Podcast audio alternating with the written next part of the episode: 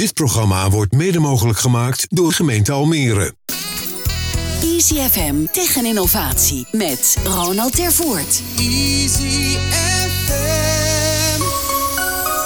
Welkom en leuk dat je weer luistert of meekijkt naar Tech en Innovatie, de wekelijkse talkshow over ondernemen op het snijvlak van technologie en innovatie. Ik ben Ronald de Voert en elke week heb ik twee gasten uit de regio. Denk aan start-ups, scale-ups tot de grotere bedrijven en instellingen. Wat drijft hen? Welke lessen hebben zij als ondernemer geleerd? Hoe proberen ze te innoveren? De impact van technologie erbij en natuurlijk worden de nodige praktische tips gedeeld. Vandaag de gast in de ICFM-studio in het WTC Media Center Almere. Christine van Stralen, oprichter van het Dutch Digital Art Museum Almere. Over de toekomst van digital art, samenwerkingen in de regio en uitdagingen anno 2023.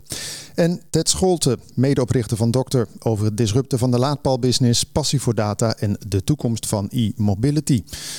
Welkom in de studio allebei. Dank je. Fijn dat jullie er zijn. Leuk dat we er mogen zijn. Ja, nou, uh, we hebben het wel over data. Hè? Data in de palen en data in een museum. Komen we zo even verder natuurlijk op. We beginnen het programma altijd even, Christine, met uh, wat uh, onze gast is opgevallen op het gebied van tech en innovatie. Wat is jou opgevallen in de afgelopen periode? Nou, voor onze wereld is het natuurlijk een revolutie dat die chat GTP en Midjourney en dergelijke nu zo ineens ontwikkeld is. Wat moeten we daarmee? Maar wat moet je ermee in een museum? Gaat, gaat ChatGPT gewoon voorschrijven wat kunst is nu in ene? Uh, nooit. dat niet? Nee, dat blijven we zelf bepalen. Maar wat we wel doen, dat hebben we ook vorig jaar gedaan met uh, NFT's die ineens uh, populair werden. We willen weten hoe, willen we, hoe kunnen we ons er tegenover verhouden. Dus we willen daar een tentoonstelling over maken en meetups over organiseren. Om allerlei meningen te horen, voor en tegens. Om te weten wat vinden we ervan en hoe kunnen we daar interessant beeldmateriaal uh, uithalen. Dus, want, uh, want, er gebeurt het nodige in data. Hè? Want je noemt al even NFT. Jij, jij knikt meteen mee, hè? dus dat is fijn. maar ik bedoel, eh, de doorsnee persoon zal denken... oh ja, NFT, wel eens wat over gehoord. Maar wat is het dan? Er is ook heel veel onbekendheid. Zeker. Dat is natuurlijk dat lekker is ook, voor zo'n museum. Dat is ook precies waarom wij die tentoonstellingen organiseren. Want een van de belangrijke doelstellingen van het museum is dat de ons overspoedende ICT-ontwikkelingen, ja, daar moet je maar in meegaan. En de meeste mensen snappen er toch niks van. Dat we die wel duidelijker maken vanuit de insteek van kunstenaars. Dan wordt het en leuk en begrijpelijker, maar ook dat je er ook kritisch tegenover kunt staan. Want alles heeft ook een keerzijde. Ja, maar even toch, wat, wat jou was opgevallen als je zegt ChatGPT, dat is natuurlijk kunstmatige intelligentie. En Ja. hè, er was van de week ook van dat zelfs autoriteiten zeggen, daar moeten we toch misschien wat mee, want het is een beetje gevaarlijk. Hoe, hoe kijk jij daarnaar? Denk je van, nou, we moeten het gewoon een beetje loslaten of moeten we het gaan proberen te controleren? Het is er. Dus je hebt ermee te dealen. Hoe we er tegenover staan, dat is open. En eh, door er allerlei mensen over te raadplegen. En dat komt doordat we er gezamenlijk een tentoonstelling over maken. Dus dat is hartstikke leerzaam. Want zelf ben ik kunsthistoricus en helemaal geen ICT'er. Dus ehm, ik praat erover alsof ik er verstand van heb. Maar eh, daardoor leren we wel heel veel. En eh, zo leren we ons te verhouden met dit soort ontwikkelingen. Nou ja, ik heb wel kritiek op de überhaupt ICT-ontwikkelingen, wat we daarmee moeten. En nou, daar zal het waarschijnlijk ook vandaag ook over gaan. Daar ga ik dadelijk eh, zeker even op in, Ja. als je me zo nog een keer aankeilt natuurlijk. Even richting eh, Ted. Eh, wat is jou opgevallen bijgebleven op het gebied van technologie in de afgelopen periode? Ja, nog een klein stukje om terug te gaan op Christine. Ik ben dus wel IT'er en geen kunsthistoricus. maar ik heb wel passie voor eh, kunst. Dus daar kunnen we het straks over hebben. Oké. Ja, wat mij ook opgevallen is, dat is AI natuurlijk. We hebben nu alle jaarcijfers van de grote techbedrijven gekregen. En toch wel vrij prominent op de agenda is AI. Whatever ze daar ook allemaal mee willen gaan doen. AI staat gewoon heel groot op eh, de voorpagina. Ik beamen het. En er zijn heel veel leuke dingen die we ermee kunnen doen. Maar ik denk dat we er momenteel een beetje in doorschieten. Voornamelijk ook, nou ja, ChatGPT helpt heel veel mensen met het maken van huiswerk, portretten, heel veel slimme applicaties, zelfs code. Ik maak er ook gebruik van. Maar in essentie, er zijn nog gewoon heel veel stappen die we moeten maken voordat we echt massaal op de AI kunnen. En dat we een hele utopische samenleving hebben waar iedereen eh, nou, zijn eigen ChatGPT heeft. Dat is ook een beetje het idee. eh, misschien zijn we wel een beetje zelf de hype. Hè? Ik bedoel, met auto's was het ook van binnen een paar jaar hoef je niet meer te sturen. Nou goed, eh, dat ligt ook alweer ver achter ons voordat dat hè, Ja. zover is. Oké, ja, nee, dat uh, wel grappig inderdaad. Dan vind je elkaar ergens toch in het midden. Nou, ik zie hier ook een boek liggen, The Age of Data. Misschien gaan we nog uit uh, voorlezen dan, uh, Christine, of niet? nee nou, hoor. ben je even bezig, hè? ja, ja, ja, precies. Hé, hey, maar Christine, want jij, jij gaf al even aan. En je bent natuurlijk uh, oprichter en directeur van de DD AMA, mag dat zo zeggen? Ja. Hè? Ja. Waarom ben je in 2016 hiermee gestart? in Almere eigenlijk? We zijn gestart hier in het WTC, hè? Ik heb een bureau voor kunstprojecten waarmee ik voor bedrijven en instellingen kunst bemiddel. En zo kwam ik in het WTC terecht. En hier stond toen heel veel leeg. En toen hebben we een verdieping van 1600 vierkante meter aangeboden gekregen met de mededeling, nou maak er, doe er wat leuks mee. En het museum de paviljoen wat we hier in Almere gehad hebben, dat was toen al lang opgedoekt. Dus Almere met een stad van 220.000 inwoners of zo, heeft geen kunstmuseum.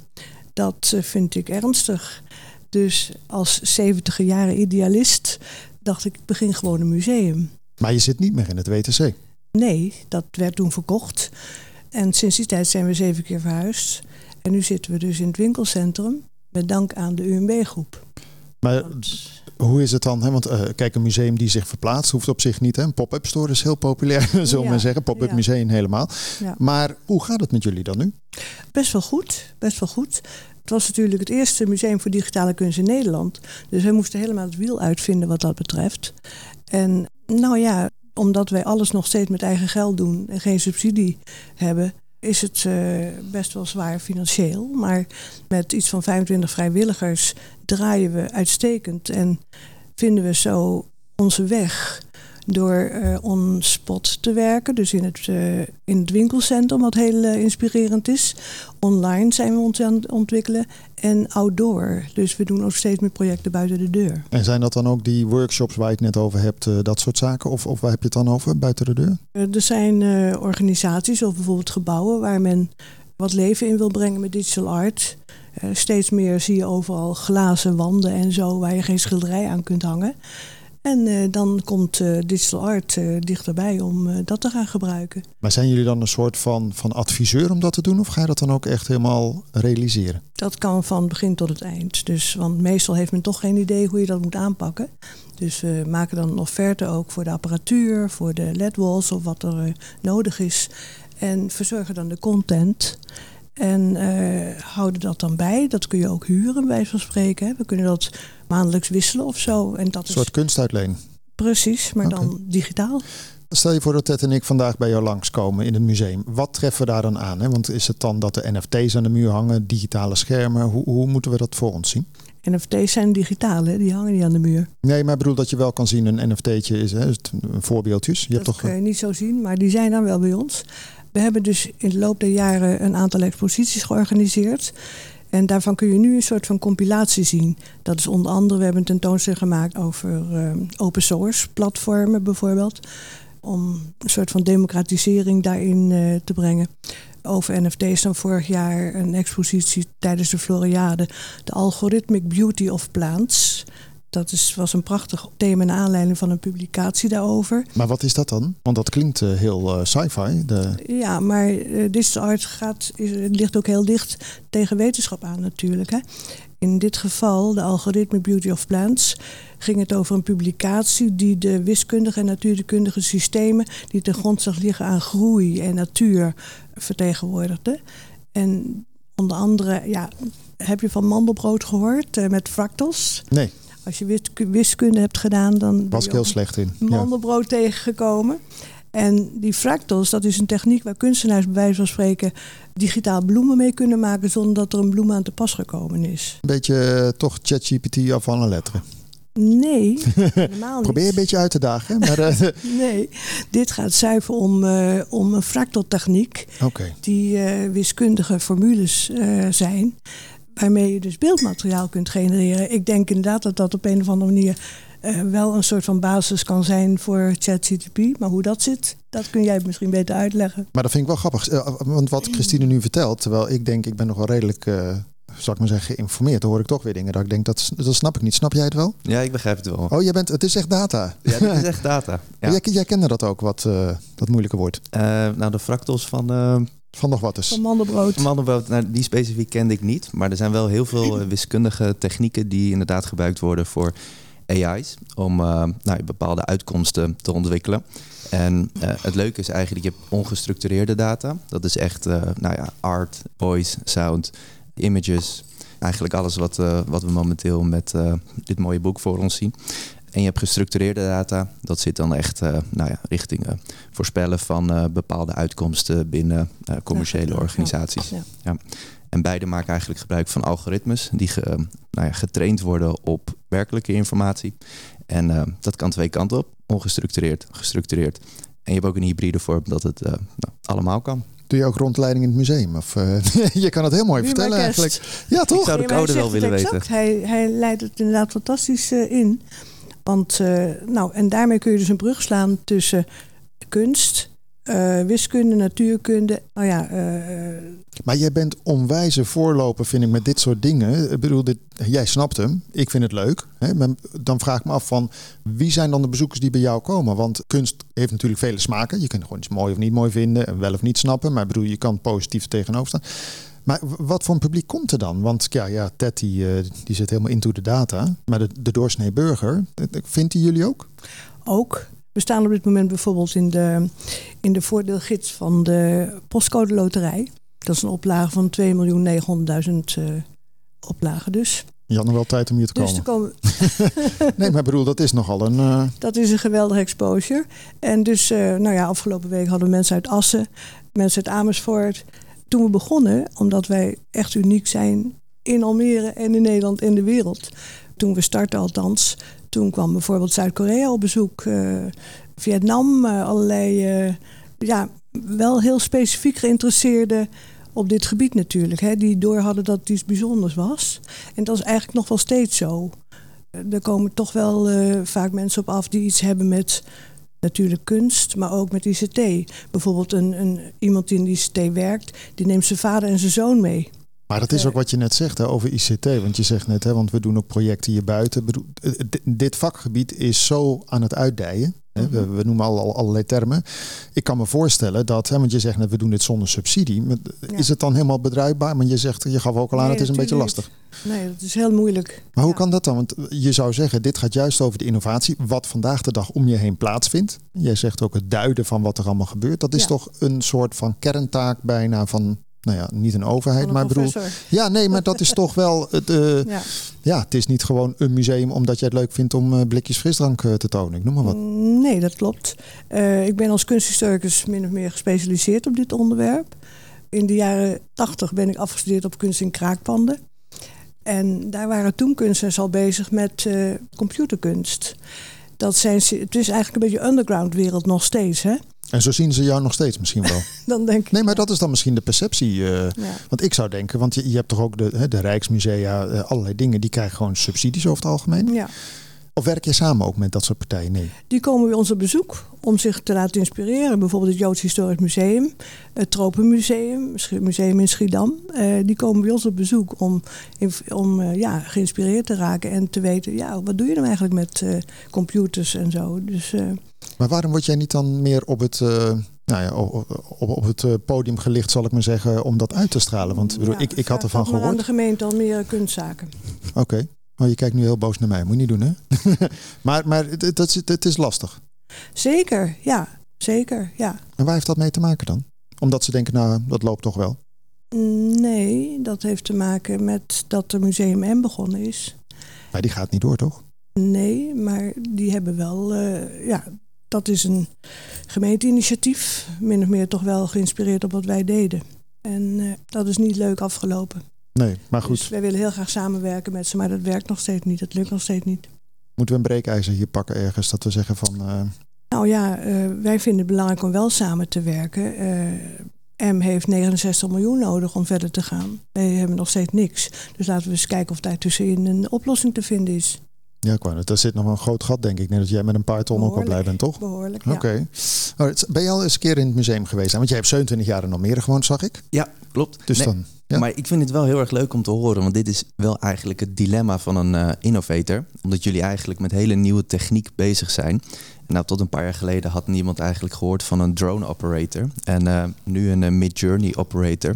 Die kan ook uh, kunst ontwikkelen. En dat zijn technieken die denk ik de komende jaren heel interessant gaan worden. Vooral internationaal.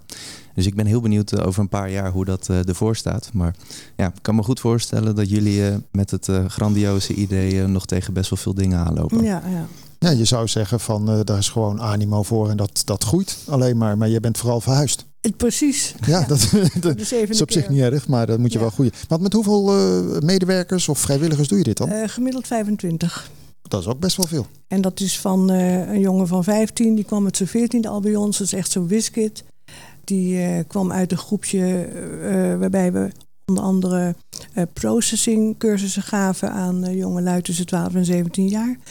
Die doet echt eh, heel interessante dingen bij ons. Tot eh, gepensioneerde, een voormalig ICT-architect bij ING bijvoorbeeld, die tegelijkertijd kunstenaar is. Allemaal liefhebbers. Liefhebbers, heel vaak mensen die komen, die blijven bij ons hangen. Want wat er bij ons gebeurt, dat is gewoon hartstikke interessant. Maar als je het dan hebt over, over het, het sponsoren van zo'n museum, dan denk ik hier in de regio gaat het eh, voornamelijk ook over ICT, IT. Er zijn genoeg bedrijven. Bedoel, ja, als je in het Stedelijk Museum loopt, zie je ook eh, deze vleugel is mogelijk gemaakt door eh, automerk X, ik noem maar wat. Ja, Eh, ja. Is, is Ja. dat een model of zeg je van dat, dat wijzen Wij we sowieso af? heel graag met bedrijven samenwerken. Zowel qua content, eh, kennis als middelen. Lijkt me heel simpel eigenlijk. Ja, Hey, als, je, als je het even hebt over buiten de deur. Je had het net over zo'n hele leuke wand. Daar kan je tegenwoordig wel gave dingen mee doen, Ted. Hè? Dat je, ik zag laatst al online ook weer gewoon van die, van die digitale abris. En dat, Ja. dat lijkt wel 4D komt het eruit. En denk je met festivals, met geluid en eh, alle beelden die erachter draaien. Jonge mensen. Nou, prima je, kan nog gewoon vrijwilliger worden, hè, hoor Ja, ik net. hoor Dat het is, eh, maar, maar als je dan... later nog even. ja, precies, dadelijk even. Maar als je even kijkt ook, want ik kan me ook voorstellen, jaren geleden had je bijvoorbeeld, dat vond ik wel een hele leuke aanhaker, dat je dan dat Pokémon Go, dat ken je ook wel Ja. natuurlijk. Je hebt ook, ik zie wel, je hebt ook de hele straat afgerend waarschijnlijk. Zeker. En je had nog zo'n game vanuit een andere hoek. Maar mensen gaan dan denk ik helemaal actief met digital. Hè? Want mensen raken natuurlijk al snel van een laptop dicht en dan digital is ook weer weg. Doen jullie ook dat soort dingen? Dat je een beetje mensen activeert? Nou, ik zou je vertellen, we hebben een hele nieuwe app ontwikkeld. Samen met studenten van Windesheim. Een soort Pokémon Go digital art app. Ah, en wat kan je dan doen? In de stad allemaal eh, art vinden? En daarmee kan je routes maken. Hij is nu nog zo dat je alleen tweedimensionaal werk erin kunt brengen. En er is nou een soort proof of content, dus om uit te vinden wat je ermee kunt. Hij moet ook verder nog ontwikkeld worden. Maar eh, dat is een, eh, een, een, een project waar we nu mee bezig zijn. Om dat verder te ontwikkelen. En dat gaat dan alleen voor Almere, zeg maar. Dat je dan. Nee, eh, dat kan je in New York uit, uitventen. Je kan die, in feite kun je die routes die je kunt maken, kunstroutes, kun je overal eh, toepassen. Dus het kan voor musea, het kan voor galeries, het kan voor eh, een bedrijf interessant zijn om gewoon leuke routes met elkaar te maken. maar waar betaal je dan eh, zeg maar momenteel dat alles van? Is dat van alle inkomsten die je krijgt van de bezoekers? Kijk, het voordeel is natuurlijk, je hebt eh, open source, ik noem maar wat. Dat is gratis beeldmateriaal als je het niet commercieel gebruikt. Daarom was die tentoonstelling voor ons natuurlijk heel interessant. Eh, met een stick kom je ook heel ver, met een memory stick. Ja, ja, ja, ja. Het ja. is dus heel slim manoeuvreren. Oké, maar dat is echt creativiteit ten top. Absoluut. En Ja. eh, we, we hulden dat, dat, eh, dat het op deze manier gaat. Maar je zou ook zeggen, want je, je zit er nu met uh, Windesheim. Doe je nog meer scholen waarmee je samenwerkt dan? Toevallig ook met het Oostvaarderscollege. Die werkten samen in een Europees project. Think Global Act Digital. En in dat kader kwamen hier eh, eh, studenten en eh, docenten uit, waar kwamen ze vandaan? Roemenië, Turkije, Litouwen en Italië. En die kwamen bij ons om dan de digital art te bekijken en het daarover te hebben. Maar dat is een, ja, een eenmalig iets geweest. Maar dat zouden we ook veel vaker willen. Maar je hebt nu dan uh, vanuit de postcode loterij die, uh, die mailing. Dat, dat zou wel eens een soort van turning point kunnen zijn. Want dat is, nou ja, goed. Dat zijn niet een klein aantal mensen. Of de, de, conversie valt wel mee. Hoeveel mensen er dan komen? Ja, nou ja, dat kan altijd meer natuurlijk ja. nog. Maar, uh, zijn, zijn er, want je zegt al, jullie zijn uniek in Nederland. Hè? Jullie zijn ook in, in Europa eigenlijk daar uniek in. Dan heb je ook niet... zijn er wel meer musea gekomen hè, op dit gebied. Want kan je ermee sparren met die andere partijen? Want dat lijkt me ook lekker vanuit jou. Dat je niet alleen maar als enige op de bühne staat. Ja, er zijn in Nederland verschillende interessante eh, initiatieven wat dat betreft. Een hele grote is in Enschede. Gochbot, die doen jaarlijks een manifestatie waarbij het hele centrum van Enschede één digital art uh, manifestatie is. Die zijn nu ook met een soort museum begonnen. In Rotterdam heb je V2. Dat is een, uh, een initiatief wat al uh, eigenlijk uit de videokunst voortgekomen is. Die maken prachtige publicaties altijd. Het, het ligt in dat soort instituten meestal heel dicht bij wetenschap. Ze werken ook samen met universiteiten zoals in Enschede en zo. In Utrecht heb je een leuke club, Impact. Je hebt daar creative coding ook en zo. Wij willen eigenlijk die kennis die ze daar verzamelen, door samen te werken met universiteiten, min of meer vertalen in een museum. Nice. En, en het is voor ons natuurlijk ligt het meer voor de hand om dan met Windesheim samen te werken. Nou ja, dat is al wel heel erg, eh, heel erg prettig eigenlijk. Ja. En, en wat je zegt, als mensen er zijn of als vrijwilliger komen en ze zijn enthousiast, dat is natuurlijk mooi, hè? de word Mhm. of mouth eh, naar buiten toe. Wat, eh, wat is tot slot even voor jou voor dit jaar de grootste uitdaging? Je hebt natuurlijk veel uitdagingen, maar wat is de grootste om... Om met eh, outdoor projecten een soort financiële basis te creëren. En liefst ook met eh, een financiële steun van eh, bijvoorbeeld het Cultuurfonds Almere. We zijn bezig om daar een subsidieverzoek voor voor te bereiden. En een beetje steun van de provincie of de gemeente, waarom niet? ja, en dan outdoor bedoel je onder andere dat ook het, het Pokémon Go eh, idee. Nee, dat is dus die app. Maar we zijn bijvoorbeeld ook ehm, in Haarlem, in, in Amersfoort, verschillende locaties bezig waar men iets met digital art wil. Om daar eh, gesprekken over te voeren en, en eh, nou ja, voorstellen te maken. Wat leuk. Dat, eh, wij kunnen het alleen maar eh, promoten, zou ik zeggen, Ted, toch? Zeker weten. Jij vanuit de datahoek. Want eh, ja, jij bent vandaag de dag eh, ben je natuurlijk bezig met dokter. Dat gaat niet over dokters in het ziekenhuis, maar ook weer een, een digitale dokter in dit geval. Een laadpaldokter. En eh, zoals ik al even aangaf, je bent nog geen 30 jaar op te tellen bij je drukdoende met zelfs diverse ondernemingen. Maar even de focus op, op je laatste aanwinst, zal ik maar zeggen. Een bedrijf gericht op elektrische laadpalen. Kan je even uitleggen wat jullie doen? Ja, klopt. Wat wij bij eh, Dokter doen is wij, eh, wij noemen onszelf de laadpaaldokter. Op het moment dat jij een probleem hebt met een eh, publieke laadpaal op het moment, dan moet je eigenlijk bij ons aankloppen. En wij zorgen ervoor dat het hele onderhouds- en serviceproces goed geregeld wordt. Service en onderhoud is namelijk best wel een traditionele industrie. En ondanks dat de laadpaalbusiness een kleine 15 jaar oud is, dus wat dat betreft ook nog vrij nieuw, is het onderhoud en de service toch nog wel een eh, beetje een ondergeschoven kindje. Heel veel partijen focussen zich op het eh, plaatsen van nieuwe laadpalen, maar niet op het beter servicen en onderhouden van de laadpalen. Nou, met mijn achtergrond in de data kan je dus heel veel informatie over die laadpaal eruit halen. Dus ook met AI en machine learning en allerlei spannende technieken. Eh, op het moment is onze proof of concept nog niet zo heel spannend als dat. Maar ja, we zien dat we toch al een grote impact maken door dat hele proces en een, nou, verschillende organisaties opnieuw te structureren en in te zetten. Maar hoe ga jij dan een laadpaal uitlezen? Want er zijn best veel aanbieders in Nederland. Ja. Ik bedoel, Ik heb zelf geen elektrische auto. Heb jij een elektrische auto, eh, Christine? Helaas niet, nee. Oké, jij zelf? Nee, ik Ook rijd nog nog niet elektrisch. Nee. Oké, nou de, los je het probleem van de buurman op. Nee. Maar hoe heet dat? Je hebt heel veel aanbieders. En die Ja. groeien natuurlijk inderdaad. Die zijn bezig natuurlijk met zoveel mogelijk marktaandeel. Maar hoe ga jij dan laadpalen uitlezen? Want dat zijn allemaal aanbieders, verschillende nou, technologieën. Wat dat betreft zijn we in Nederland best wel een eh, voorloper. Ehm, we zijn relatief snel ehm, eh, binnen de laadpaal business gestart als Nederland.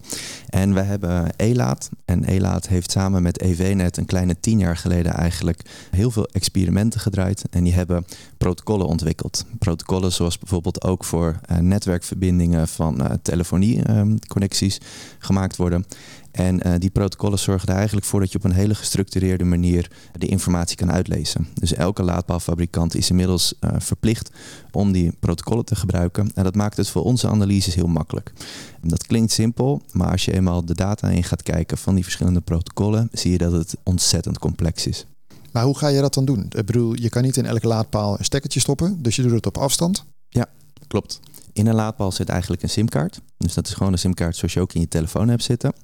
En die laadpaal die zendt informatie uit. Dus nou, wij zijn nu eigenlijk met een eh, pilot customer, zoals we dat eh, binnen de nou ja, start-up scene eh, noemen, zijn wij gestart met het ontwikkelen van een proof of concept op basis van die dataprotocollen. Dus we hoeven ook inhoudelijk niet te weten wat er precies in die data staat. Wij kijken gewoon puur naar de kolommen.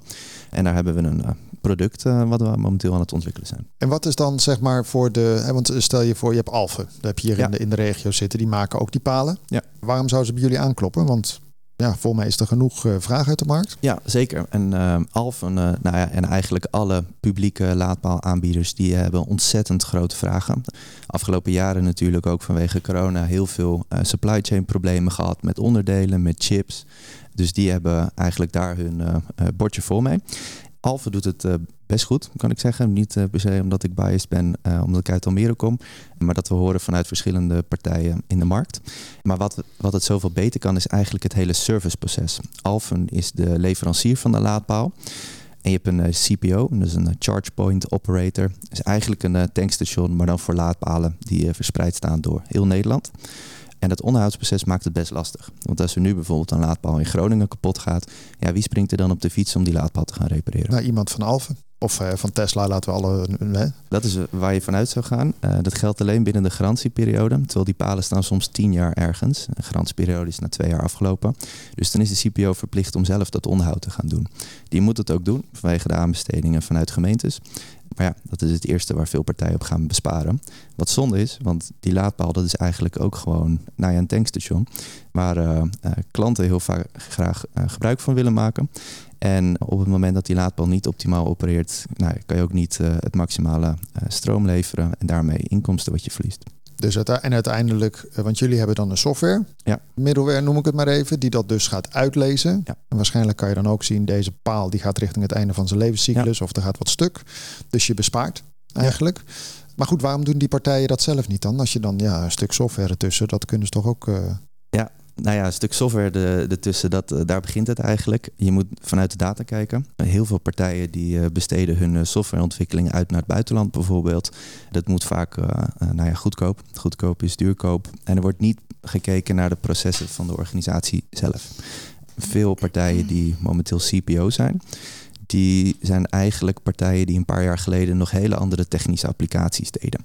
Uh, dus bijvoorbeeld dat waren installateurs van transformatorhuisjes, grote technische installaties. En uh, nou, binnen de laadpalen business was een opportunity gekomen.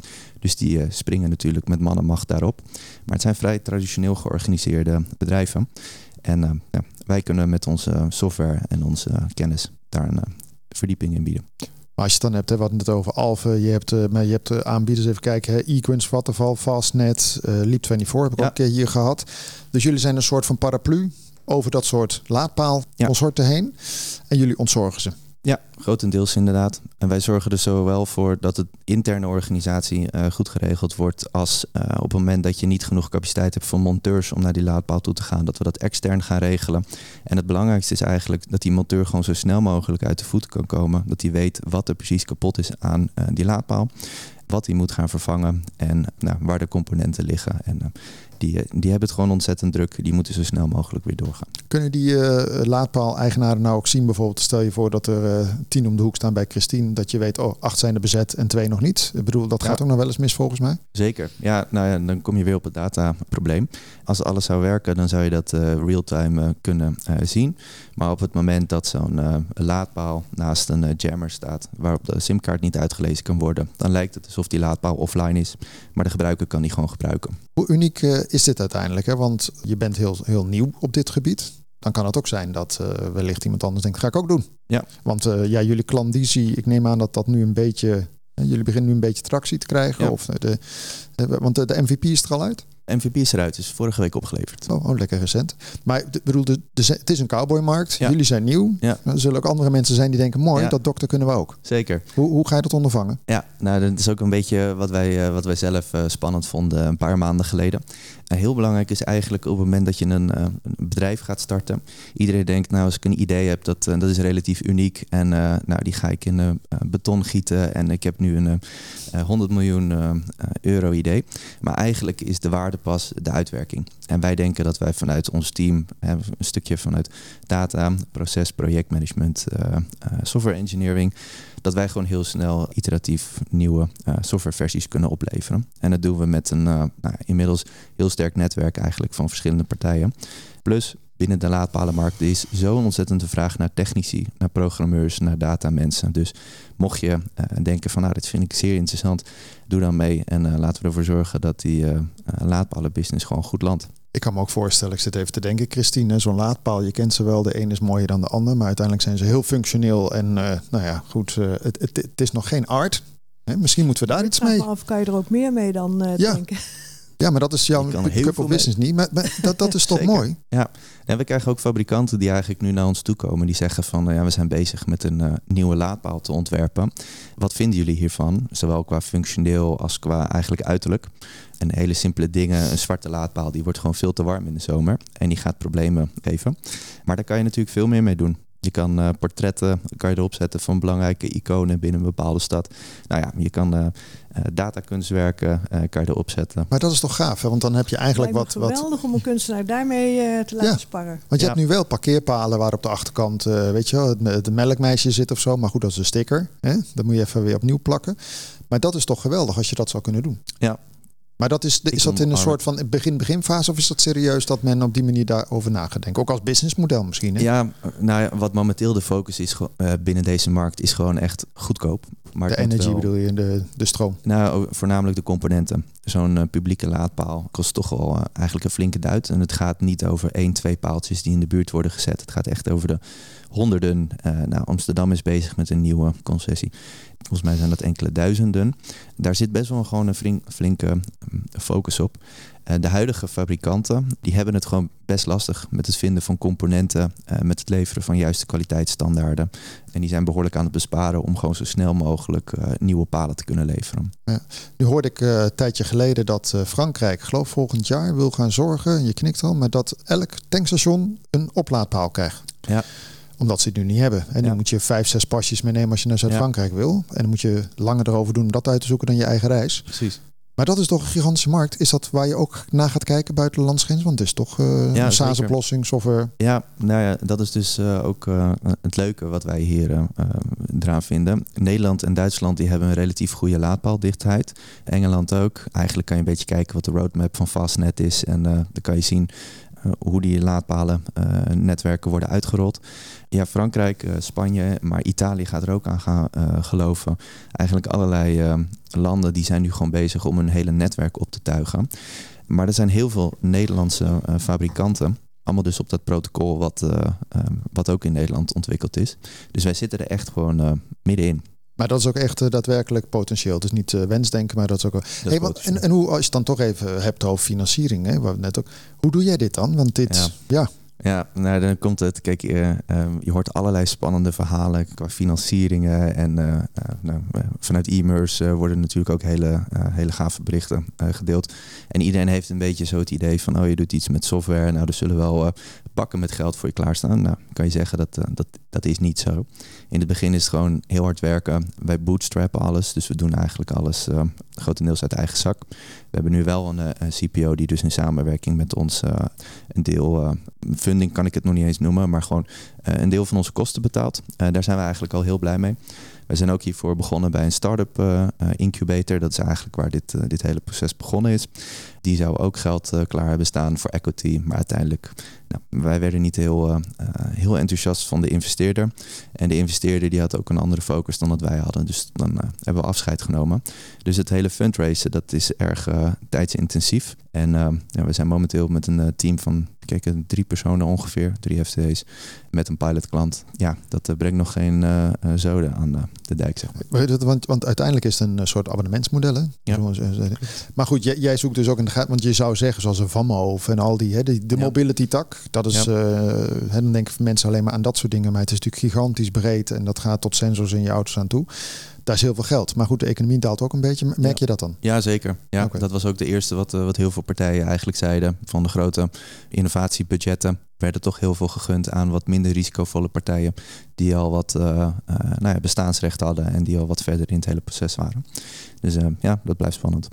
En straks zitten we op de waterstof, eventjes kort. Hè? Ja, Want het, we doen straks, ja, ik bedoel, ik heb binnenkort ook iemand vanuit de waterstofhoek.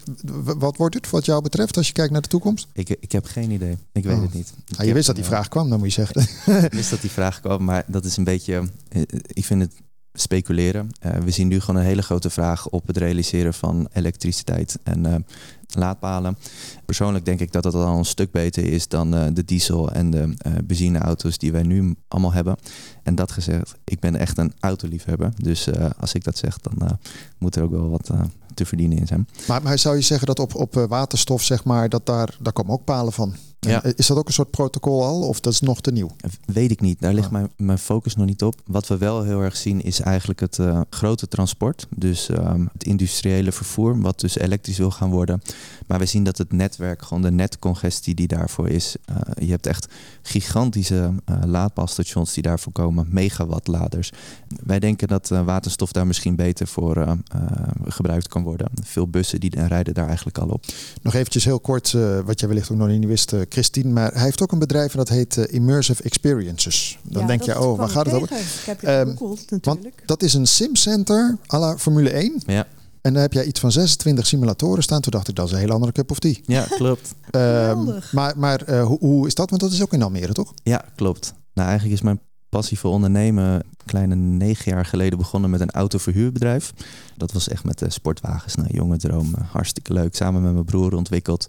Nou, toen waren we een kleine twee jaar bezig en toen dachten we van nou, we willen toch iets, eh, iets duurzamers gaan doen. Met iets wat je met een grote groep kan gaan doen. Toen kwamen we eigenlijk op ehm, eh, het duurzame karten met de race simulatoren. En ehm, ja, dat is wat we nu al eh, zeven jaar aan het eh, Maar hoe focus je dan? Want je hebt dokter, je hebt immersive en, en, en je, je moet gewoon je geld verdienen als consultant, zag ik. Maar, Ja. dit- maar hoe, hoe zit dat? Is dokter hoeveel procent van je tijd? Eh, dokter is momenteel wel echt eh, 70, 80 procent van de tijd. Oké. Nou, als je een keer wil Formule 1 racen, ik zou zeggen, ze Nou zijn ja, er. ik eh, leek me ontzettend leuk om zo'n zo'n car en zo'n systeem in ons museum eh, te hebben. Oh, kijk. Nou ja, dat is, eh, ik weet niet, want hoe ziet het eruit? Dus schermen Ja. of zijn het van die auto's waar je in zit? Eh, nee, nee, nee, het zijn echt eh, geavanceerde race simulatoren. Dus, oh, van die mooie liggers. ja, Max Verstappen. Met goede stoeltjes en alles. en de oh, nice. routes, maken jullie die ook zelf dan? En wij hebben in principe alle circuits. Ehm, wij maken gebruik van eh, simulatiesoftware. Eh, en daar hebben we al heel veel eh, bekende circuits eh, in staan. Ook daar wordt heel veel eh, open source in eh, ontwikkeld. Dus dan heb je echt liefhebbers die die hele baan eh, eh, zelf aan het bouwen zijn. Oh, nice, nice. Nou, open source is toch, eh, ik hoor het steeds vaker toch weer. Hè? Dat is wel weer mooi. En we zijn richting het einde van het programma. Dan vraag ik altijd nog even de gasten waar ze zich op verheugen komende week. Nou, eh, Christine, waar verheug jij je op komende week? Ehm, wij gaan eh, een presentatie houden voor een, een bedrijf dat immersieve apparatuur levert. Waarvoor? Waarvoor? Niet Formule 1. Voor musea. Musea. Ja, tenminste dat wil zeggen, ze zijn nu nog bezig met eh, presentaties over bestaande kunstenaars. Bijvoorbeeld Van Gogh, eh, immersieve presentatie, of Gustav Klimt. Maar ze willen dat graag ook met eh, digitale kunst. En dan wordt het soort 3D of zo, of holografisch? Dat is helemaal immersief, dat is eh, all over. Hè? Dus het gaat soms met sensoren ook. Hè? Dus als je loopt, dan gaat er een vis omhoog of zo, of een, of een vogel springt Oh, wauw. weg. Dat zijn hele indrukwekkende presentaties. Dat willen ze verder ontwikkelen met digital art. Dus ik ben heel benieuwd hoe dat gaat lopen. Leuk. Kan je- ik ben ook niet bij jou geweest. Dan moet ik ook als, dat vind ik helemaal te gek altijd. Als je iets kan doen en dan eh, inter- interactief. Waar verheug jij op komende week, eh, Ted? Ja, het is heel saai, maar als ehm, nou ja, start-up ondernemer eh, vind ik het eigenlijk heerlijk om gewoon eh, te coderen en eh, de volgende stappen eh, te zetten. En ehm, ik word gewoon heel erg blij van eh, klanten die we hebben die eh, eh, nou, tevreden zijn met wat we opleveren. Nou ja, dat is ook zo. Als je starter bent, dan moet je blij zijn met de klanten die je hebt. Hè? en een beetje nerdy, dat is natuurlijk helemaal niet erg. Want dat is natuurlijk wel de business waar je in zit. eh, dus. Ik eh, dank jullie hartelijk. eh, Christine van Stralen, oprichter van Dutch Digital Art Museum in Almere. Heel graag gedaan. Ik wens je alle succes de Dankjewel. komende periode. En dat het echt eh rijen dik voor de deur staat natuurlijk. Ted eh Scholte, medeoprichter van Dokter. Ja, ook onwijs veel succes. Dankjewel. Het eh, voelt goed, het ziet er goed uit. Nu is het aan ons. Yes. Jij bedankt eh, voor het kijken, dan wel het luisteren naar deze aflevering van eh Tech en Innovatie. Ik eh, zou zeggen, wil je iets eerder nog bekijken of beluisteren? Check even de diverse platformen, EasyFM app of het kan meer Tech platform. Hele fijne week, graag tot de volgende keer. Dit programma werd mede mogelijk gemaakt door gemeente Almere.